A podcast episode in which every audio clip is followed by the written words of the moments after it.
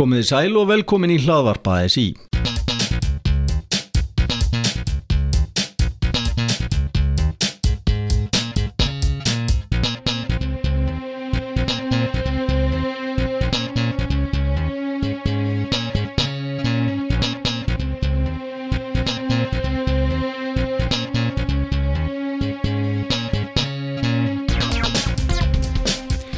dag kynum við til sögunar fjórðaþáttin í seríunni Formaður mánadarins en í þessum þáttum er rætt á persónlegum nótum við formann stjættarfélagsinnan ASI í tilhörn til þess að kynnast manneskjunni sjálfri.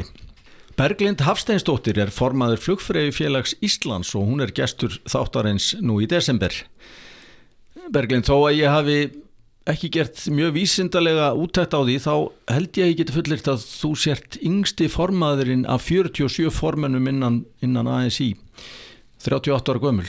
Hvernig svona ekslaðist það að, að þú dast inn í stjættarfélagspolitík Þetta var svo sem aldrei á dagskránin eitt að hérna, ég hef búin að vera í uh, stjættafélagsmálum fyrir flugfröðufélagið í nokkur ár, var dregin inn í það svolítið óvænt og satt í samninganemdum og uh, fyrir sagt, Æsland er og byrjaði þar 2013 og samningar flugfröðufélagsins taka óbáslega langan tíma yfirleitt, það er svona í kringum 9-12 mánuðir.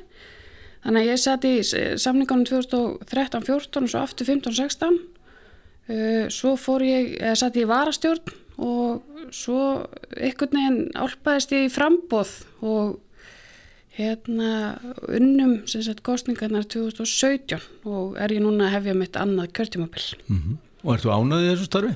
Þetta er ótrúlega skemmtilegt, mjög kræfjandi, viðbröðrikt og síðustu ár hafa náttúrulega verið hérna mjög áhugasöm í flugbransanum að hérna það er búið að vera, að búið að draga til mikill að tíðenda að á öllum sviðum, bara bæði hjá sagt, fyrirtækjum innan okkar aða og svo flugfélagum sem ætla að starfa hér á landi. Mm -hmm. Prímera fallið, vá fallið, allt á þessum tveimur árin sem að þú ert búin að vera, já, rúmlega tveimur árin sem já, þú ert búin að vera formadur Þa, Það passar Þetta hefur reynd á, vantilega Heldur betur. Og hérna, við erum búin að vera bara mjög samheldin stjórn við erum búin að vera mjög heppin með fólk mér við hlið þannig að þetta er búin að vera mjög margir, langir, kræfjandi dagar mm -hmm. Starfaður lengi sem flugfræða? Ég byrjaði 2004 ætlaði bara að vera 1-2 sumur en svo eins og mjög margar flugfræður þá urðu þau 14 sem ég var sem sagt, starfandi sem flugfræða og svo sem sagt, hætti ég að fljúa og fór bara lögulega sleifi mm. að því tók við sem formaður mm -hmm. Þú kláraði lögfræði í Háskóla Íslands Já Hvernig er þetta nýtist það ekki ágætlega í þessu starfi? Heldur betur hérna kemur sér mjög vel að, að hafa lögfræðina til hliðar og sérstaklega í þessu málum sem hafa dönið á mm -hmm. hérna, en það er alveg ótrúlega margar flugfröður sem eru lögfræðingar hérna, ég kallaði stundum lögfræðinar mm. ég held að séu, séast ég vissi að var þetta yfir 20 mann sem voru útskrufaðar með e, master í lögfræð Það er áhugavert. Mm. e, Spólum aðeins tilbaka. E, hvaðan ertu og, og, og segð okkur aðeins af æsku árunum Ég er e, fætt í háaleitiskarfinu og flutti það þegar ég var e, fimm ára í löganiskvarfið og þar eru svona mínar æsku slóðir, var í löganes og löguleikaskóla og fór svo í MS og á rosalega góðan og stóran vinahóp úr löganes hverfuna þannig að ég lít svolítið á mig sem löganesing mm. eh, svo þegar ég var búið með hálft ári í MS þá hérna, fekk ég kynningu á skiptinum og samtökunum AFS í skólanum og hérna bara eftir hátegi þá brunna ég neyri í bæ þar sem skrifstofunum voru og sóttum að fara. Og hérna það var hægt að fara eftir uh, hálft ár og ár og eitthvað svona og svo sá ég okkur brott fyrir mánuði setna og ég bara herði ég ætla að fara þarna. Og mánuði síðar þá stóði ég hérna spiltasta landi í heimi uh, Paraguay sem var hérna nýlaust undan innræðistjórn og eitt mest að kalla vel til Suður Ameríku þannig að íslenska forréttinda stelpan stóð bara þarna hérna í mjög svo sérstökum aðstæðum sem maður hafði heldur betur gott að e, var þar hjá mismöndu fjölskyldum. Fyrsta fjölskyldum var mjög rík. Það var svonur e, næsistafóringja sem hafði flúið setni heimstyrildina og það var mikið af þeim þar mm. og meðal annars hafði mengalega læknir sem það dóttur mengalega búið í bænum sem ég bjóði og uh, þaðan fluttist ég til fjölskyldi sem var óbúslega fátæk og átt ekki neitt, ekki eins og mat eða klósitpapir eða þvottavelir eða neitt. En þau voru svo endislega hérna, ég bjóð hjá þeim í rúma þrjámanni og svo komst reyndar AFS að þessu hvar ég bjó og þá var ég flutt til þriðu fjölskyldunar mm. en þetta var svona aðeins öð, öðruvísi upplifun heldur en ég bjóst við því að ég held að maður var að leiðin til Suður Ameríku bara í salsatans og, og sæta stráka og svona spanjólafylning en, en þetta var svona kannski annað, allt, allt annað heldur en maður bjóst við en miklu lærdómsríkara og miklu meiri upplifun heldur en mann er óraði fyrir. Varstu þarna í heilt ára þá? Já.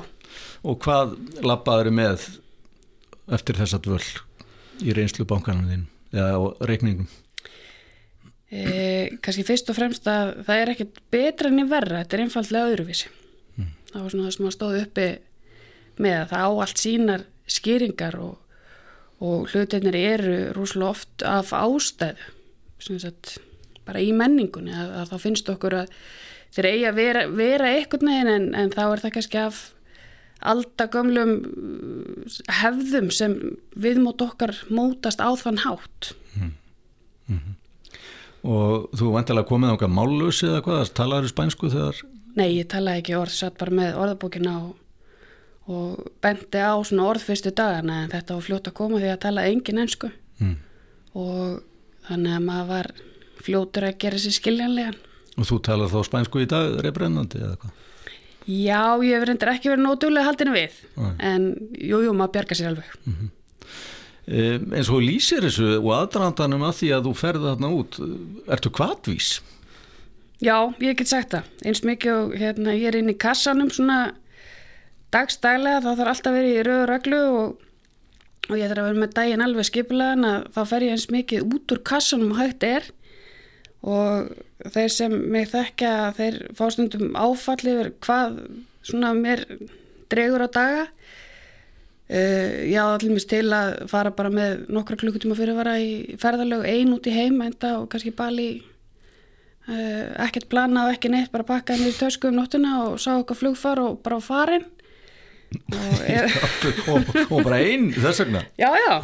Að, hérna, ég gerði það 2014 og bara ákvæði að fara mm. e, nokkrum árum setna þá hefum við ákvæði með e, bara klukkutíma fyrir að heimsækja vinkunum minn til Malasju og náðu ekki að segja henni frá því að ég var á leiðinni fyrir að ég var komin til Bangkok mm. þá náðu ég að ringja henni og segja henni að, að það væri einn og halvu tími í mig hvort hún ætti ekki að koma og segja mig á flugulin mm.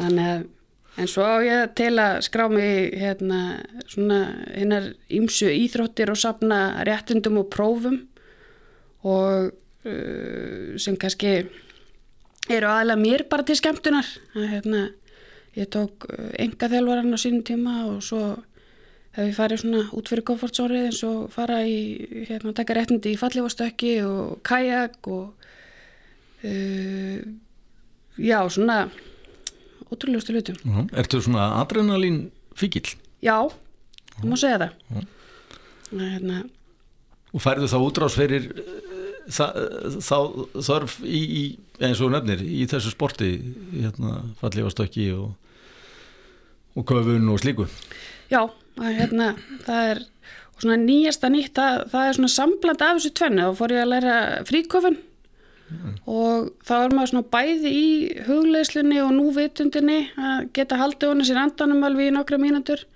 og svo adrenalín fíkninni að kafa eins langt og getur nýra á botna á einu mandadrætti hvar, hvar, hvar fer maður á svona námskið?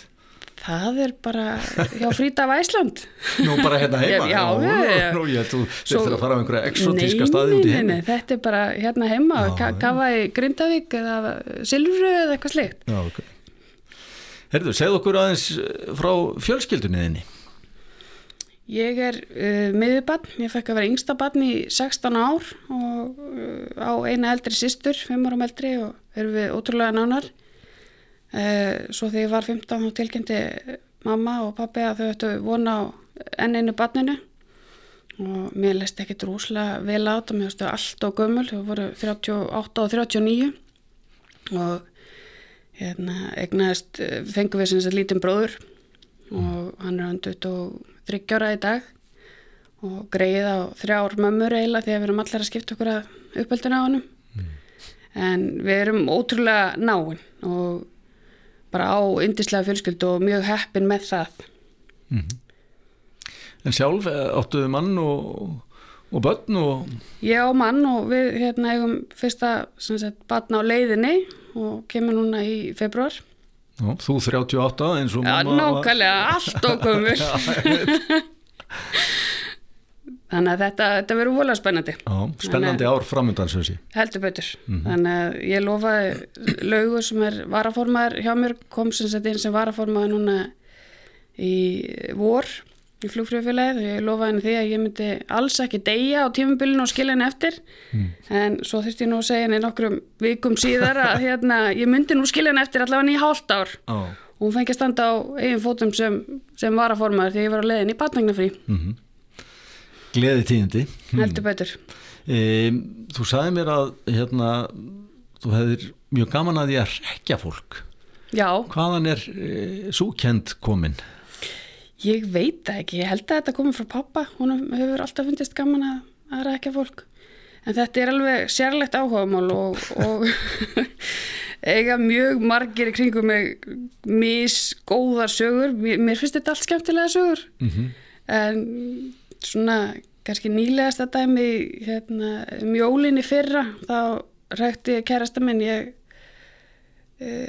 var hérna eitthvað andvaka um nóttina hann var á leiðinni snemma í vinnuna og ég föndraði kall úr öllum pappakassunum og sett hann í stegan heima og sett hann í úlpu og sett á hann buff og fött og eitthvað og leta svo halda á hníf. Þannig að þegar hann kom upp þá ég held hann alltaf að þetta væri imprestjófur og fekk vægt hjartáfall en svo er ég til að ef ég sé bíla hjá fólki sem ég þekki eða eitthvað þá skrifa ég miða og, og setja á rúðuna og til dæmis bara um daginn þá hafði ég séð bílina mömmu hérna eitthvað stöður út í bæ.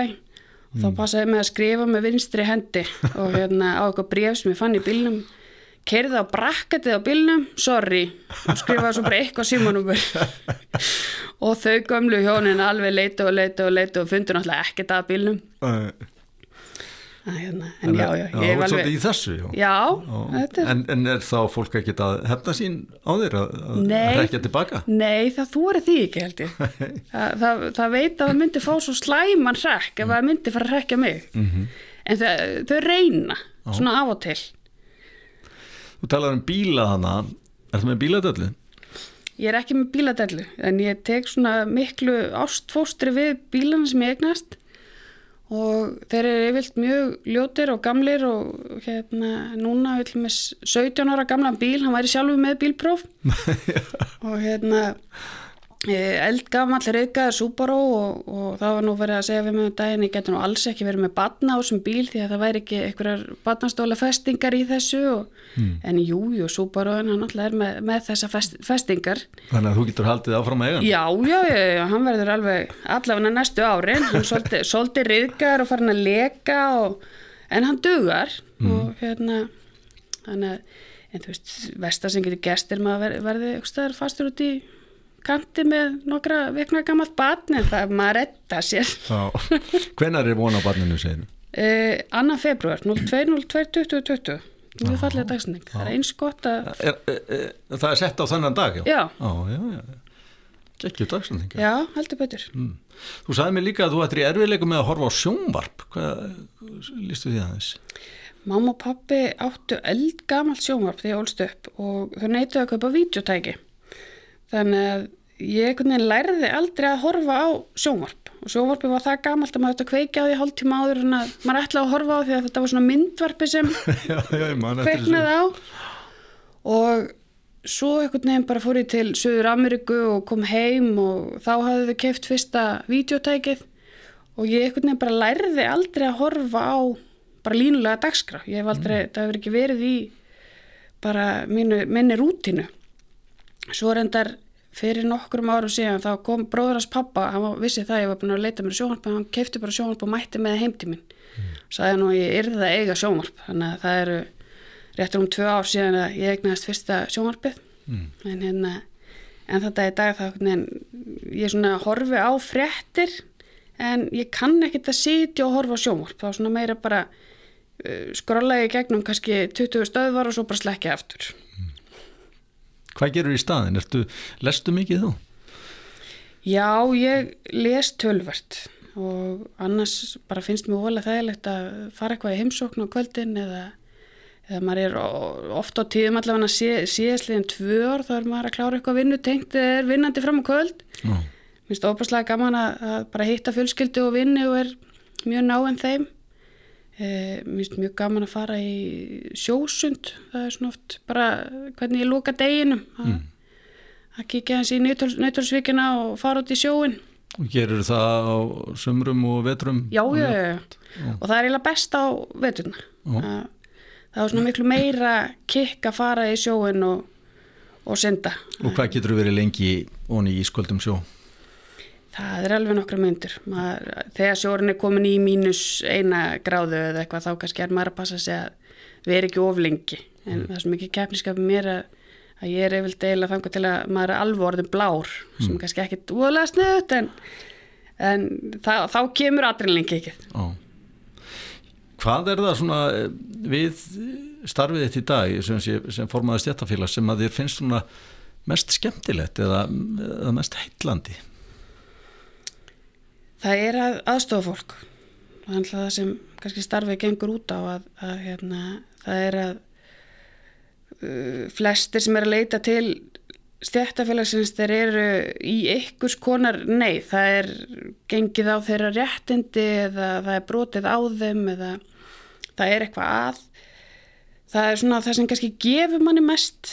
Eh, mér finnst líka óbúslega gaman að kannski þessum stóru málum þegar maður er, er að berjast fyrir bara laga breytingum eða kjarasamningsbreytingum eða eitthvað slikt mm -hmm. en, en ég held að þetta sé þessu litlu dagstaglu hlutir sem svona gefur manni mest sem personu mm -hmm.